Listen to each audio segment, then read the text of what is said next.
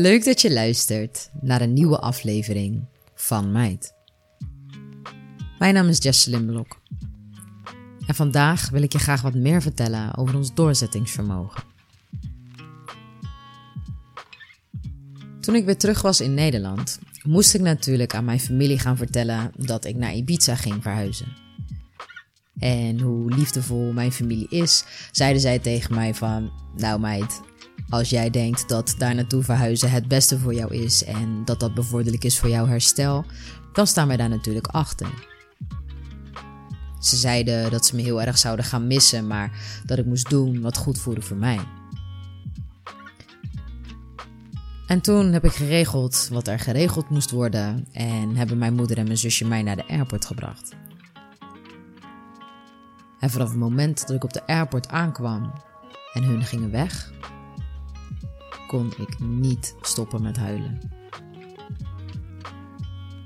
Ik denk dat het een soort loslaten was van ja, wat, wat ik achterliet en wat ik nou eigenlijk had gedaan. En ik begon echt te twijfelen en ik werd ook bang in dat vliegtuig. En ik dacht ook van zo, wauw, wat heb ik nou uiteindelijk gedaan? Ik, ik, ik heb gewoon echt serieus mijn complete vertrouwde omgeving opgezegd. En ik ben nu naar Ibiza aan het gaan. En ik was zo bang voor alles en ik moest alleen maar huilen.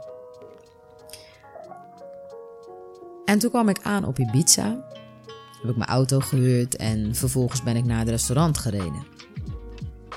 En ik kom aan bij het restaurant en ik dacht dat ik opgevangen zou worden, maar dat was helemaal niet zo, omdat de restauranteigenaar en zijn dochter, die ik al had leren kennen, die waren, waren er niet op dat moment.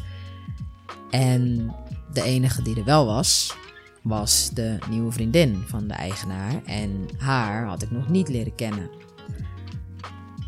En het was, was ook best wel awkward, want ik kom daar aan en ik, ik ben helemaal overstuur. En ja, ik zag aan haar dat zij iets dacht van... Zij keek echt zo naar mij van ja, wat is dit voor dramatisch persoon hier zo in één keer in mijn zorgeloze leven hier op Ibiza. En zij liet mij die caravan zien.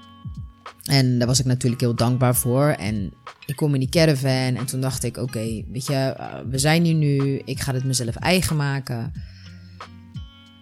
Komt allemaal wel goed. Maar ik voelde me echt totaal niet flex. Ik had het koud in die caravan. En het feit dat ik in één keer met mijn douchegel en mijn tandenborstel onder mijn arm naar buiten moest om te gaan douchen, dat viel me ook best wel zwaar. En er waren constant allerlei mensen en evenementen bij het restaurant. En er werd toch ook wel enigszins van mij verwacht dat ik daarmee ging helpen. En dat wilde ik zelf ook wel. Alleen ik had nog steeds zoveel pijn en ik voelde me zo slecht.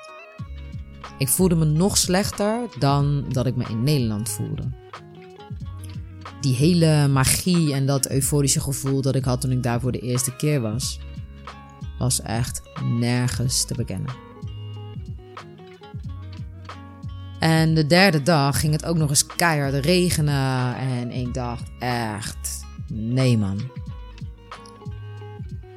het kan niet zo zijn dat ik naar Ibiza ben verhuisd omdat ik voelde dat dat beter was voor mij. En dat dit dan nu mijn omstandigheden zijn. Dus die avond vroeg ik aan het universum: Jongens, hallo. Iedereen die mij kan horen op dit moment. Kunnen jullie alsjeblieft voor mij een nieuwe plek fixen waar ik rustig kan nadenken en kan wennen aan deze nieuwe situatie? En wat heel bijzonder was, was dat ik toen nog, uh, toen ik nog in Nederland was en net tegen die burn-out was aangelopen, kleurde ik urenlang mandala kleurplaten. Omdat ik had gelezen dat dat goed is voor je mind, die, die wordt daar dan rustiger van en daardoor komt je lichaam ook tot rust. En ja, dat deed het voor mij ook. Dus ik was constant bezig met mandala's en ik had daardoor een soort fascinatie um, voor mandala's ontwikkeld.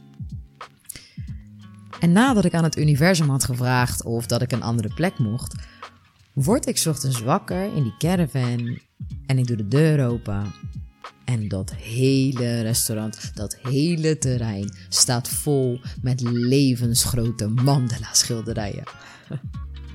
En ik wist wel dat er een evenement zou plaatsvinden die dag, maar ik wist niet dat dat van een mandala-kunstenaar was die, die die dag daar zijn tentoonstelling had. En ik dacht echt, wauw, wat, wat krijgen we nou weer? En ik raak op een gegeven moment met de kunstenaar in gesprek en het was echt een hele toffe gast. Hij kwam ook uit Nederland, woonde op Ibiza en hij verdiende zijn geld met het maken van zijn mandala's en andere kunst. Dus ik was ook heel erg van hem onder de indruk, want ja, hij had zijn vrijheid gevonden. Hij woonde daar en alles wat hij deed, deed hij vanuit liefde en hij had met niemand wat te maken. En uh, hij was ook heel bekwaam als het gaat om uh, plantmedicijnen. Hij gaf zelf ook Gambo-ceremonies. Maar daar kom ik even in de volgende podcast op terug. Maar goed, ik vertel aan hem dat ik niet op mijn gemak ben in die caravan en dat ik het best wel zwaar heb en dat ik eigenlijk op zoek ben naar iets anders. En aan het einde van de dag komt hij naar me toe en hij zegt tegen mij: Ik wil je wat vragen. Aangezien jij een nieuwe slaapplek zoekt, ik vlieg morgen voor anderhalve week naar Nederland. Dus zou jij dan op mijn twee katten en op mijn huis willen passen? Dus ik meteen, ja natuurlijk. Oh mijn god, wat, wat, wanneer kan ik komen? Kan ik nu komen? En hij zo, nou, nou, kom anders maar morgen. En uh, als je me dan ook naar de airport brengt, dan kan je daarna in mijn huis verblijven. Nou, blijer kon je me natuurlijk niet maken op dat moment. Dus um, ik had de restauranteigenaar heel erg bedankt en uitgelegd dat de caravan te koud en toch iets te primitief voor mij was. En dat ik eventjes in het huis van de kunstenaar mocht verblijven, maar dat ik wel terug zou komen om te helpen in het restaurant. En toen ben ik naar het huis van de kunstenaar gegaan. Ik heb hem naar de airport gebracht. En hoe ik terugrij, voel ik al een bepaald gevoel in mijn maag dat ik dacht: dit is niet oké. En ik kom aan bij dat huis. Zo, toen waren echt de poppen dansen. Oh mijn god. Ik zakte helemaal in elkaar. Gewoon echt op de grond liggen en huilen. En ik wist echt niet wat me overkwam. Er waren zoveel emoties en zoveel pijn. En ik snapte het niet. En ik was zo boos op mezelf. Van ja, wat heb ik nou gedaan eigenlijk? Waarom ben ik nou vanuit Nederland hier naartoe gekomen en waarom heb ik zoveel pijn en ben ik zo verdrietig en ik snapte het allemaal niet. Dit was toch de juiste beslissing. Ik dacht alleen maar, ik wil naar mijn ouders en ik wil naar mijn kat. En het was echt een hele dramatische bedoeling allemaal. En toen heb ik mezelf weer bij elkaar geraapt.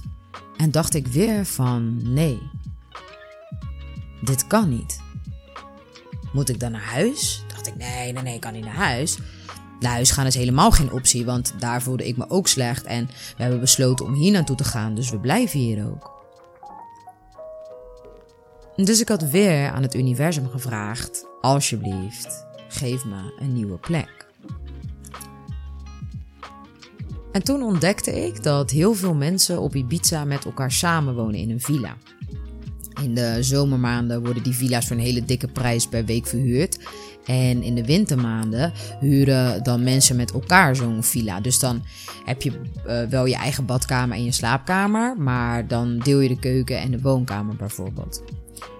En dan ja, woon je toch op een hele mooie plek, maar dan deel je dat met andere mensen. En ik dacht, misschien moet ik toch ook wel onder de mensen zijn. En weet je, als ik, als ik zoveel verdriet heb constant, dan is het misschien toch wel goed omdat ik dan wel met mensen ben. Maar dat ik dan wel mezelf kan terugtrekken in mijn kamer als ik, niet, als ik niks met die mensen te maken wil hebben. Dus ik was weer teruggegaan naar het restaurant en daar ging ik dan bij mensen rondvragen of dat zij iets wisten.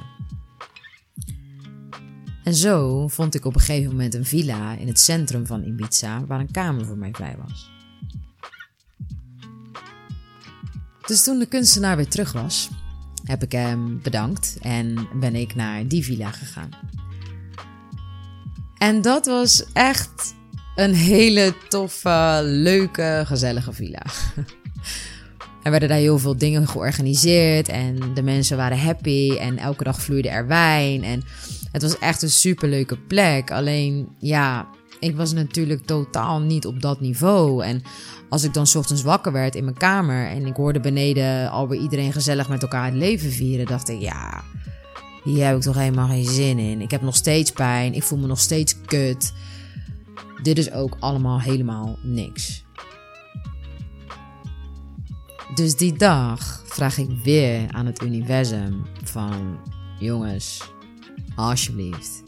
Ik moet gewoon mijn eigen appartement hebben met alle comfort die daarbij nodig is en gewoon mijn eigen space. En dat ik helemaal niks met niemand te maken hoef te hebben en nu echt kan gaan herstellen. En ik denk een uur later of zo, kijk ik op de Facebookpagina Nederlanders op Ibiza en ik zie een fucking leuk appartementje met een tof interieur aan de zee, een beetje in het midden van het eiland. En ik dacht, volgens mij is dit het.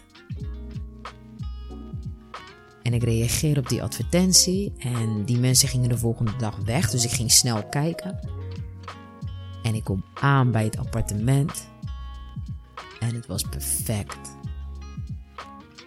Ik voel weer dat euforische gevoel dat ik had toen ik de eerste keer op Ibiza was, dus ik wist dat dit de juiste plek was. Het was een appartementencomplex met een poort en je moest naar binnen met een druppel. En als je de poort opendeed, zag je meteen de zee en allemaal hele grote palmbomen en bloemen en paadjes naar de appartementen. Overal witte kiezelsteentjes. En het appartement zelf had een bad. Het was aan de zee. Het had een hangste op het balkon. En de zon kwam op vanuit die kant. Het, het was echt zo. Ik was zo dankbaar voor dat appartement. Dus ik heb de mensen van de villa bedankt. Ik heb mijn spullen weer ingepakt. En ik ben naar mijn eigen appartement gegaan. Ik heb een huurcontract getekend voor drie maanden. En toen kon voor mijn gevoel het allemaal echt gaan beginnen. En dat begon het zeker. Want ik heb in dat appartement dagen gekend waarbij ik nog steeds huilend op de grond lag en van gekheid bijna mijn hoofd tegen de muur kapot wilde slaan omdat ik zoveel moest incasseren. Ik dacht hoeveel pijn en hoeveel verdriet kan een mens verdragen? En wat is dit nou eigenlijk? Ik ben zoveel dichter bij mezelf gekomen in het appartement omdat ik alleen was. In mijn eigen space, zonder dat ik last had van andere mensen. En ja, weet je, als je in één keer naar een ander land verhuist, dan weet je eigenlijk helemaal niet wat dat voor jou betekent. Of wat jij prettig vindt, of wat voor jou werkt als je zoiets doet. En dat moest ik natuurlijk uh, ondervinden en dat ging niet zonder slag of stoot. En het feit dat ik tegen die burn-out was aangelopen en daarmee naar Ibiza ging, dat maakte het natuurlijk allemaal veel zwaarder. Maar ik was zo vastberaden om weer te herstellen. En aangezien ik zoveel dingen had onderzocht, wat nou eigenlijk het beste is voor jouw lichaam, en mijn eigen intuïtie aan mij had verteld dat ik daar moest zijn, vond ik dat ik koste wat kost moest doorzetten voor de juiste plek. En om mijn weg te gaan vinden en mijn leven te gaan leiden op Ibiza. En zo heb ik dus ook dagen gekend waarbij ik mezelf zo gelukkig voelde. Dat ik het toch voor elkaar had gekregen om een fucking tof appartement te fixen aan de zee op Ibiza. Ik was zo trots op mezelf dat ondanks alle obstakels die ik moest trotseren, ik het nu toch voor elkaar had gekregen om een plek te creëren waar ik mezelf thuis kon voelen. En waarvan ik van mening ben, is dat als jij doorzet voor iets wat je echt wilt en voor jou het allerbelangrijkste is, dat het zo is dat als je echt vanuit je allerdiepste kern iets wilt bereiken en het maakt niet uit wat dat dan is, je dat dan altijd zal bereiken. Want iedere keuze die jij maakt vanuit zelfliefde zal uiteindelijk tot iets heel moois leiden, omdat liefde de allersterkste kracht is op deze planeet. En ik vond het heel bijzonder dat elke keer wanneer ik aan het universum een nieuwe plek had gevraagd, dat ik dat dan ook kreeg. maar het universum zijn wij zelf. En ik dacht dat ik buiten mezelf iets nodig had om de juiste omstandigheden voor mezelf te creëren, maar dat heb ik gecreëerd vanuit binnenin. We bezitten zoveel creatiekracht, die je dus kan inzetten om je leven negatief te creëren, maar die kracht kan je dus ook aan de positieve kant gebruiken. Jij kiest. We bepalen alles zelf in ons leven. Waar we werken, met wie we omgaan, wat we op een dag doen. Je maakt de hele dag door keuzes. En als je echt diep bij jezelf naar binnen gaat en je impulsen gaat voelen en echt vanuit je hart gaat leven, dan weet je het wanneer bepaalde dingen anders gekozen mogen worden. En als je andere keuzes wilt gaan maken in je leven omdat je voelt en weet dat het beter mag, maar hetgeen wat je, wilt, wat je wilt gaan bereiken is in jouw hoofd eigenlijk te groot, of je denkt van dit kan ik toch nooit of iets in die richting, dan is dat angst. Dan ben je bang voor hetgeen wat je wilt gaan neerzetten. En als dat zo is, bekijk het per dag. Bekijk het per dag en neem die eerste stap. Want je bezit zoveel liefde en zoveel doorzettingsvermogen. Zodra je erachter gaat komen dat je die twee samen kan inzetten om zo'n verschrikkelijk fucking tof leven voor jezelf te creëren, waarbij je gelukkig bent en waarbij je vanuit liefde leeft en alles in jouw omgeving gebaseerd is op de keuzes die je hebt gemaakt vanuit je eigen hart en vanuit liefde, dan wordt het allemaal zo mooi, dat, dat, dat kan je echt niet voorstellen. En jij bezit dezelfde doorzettingsvermogen en creatiekracht als ieder ander. Want iedereen is uniek en iedereen heeft haar unieke talenten. Jij bent heel bijzonder en jij hebt iets wat niemand anders heeft. Dus als je niet tevreden bent, of als je niet lekker in je vel zit, of als er bepaalde dingen zijn waarvan je weet dat die anders gekozen mogen worden, dan kan jij dat want je bent een powervrouw. En jij kan alles. Dus. Bedenk goed wat je met je 24 uur doet. Hou van jezelf en bedankt voor het luisteren.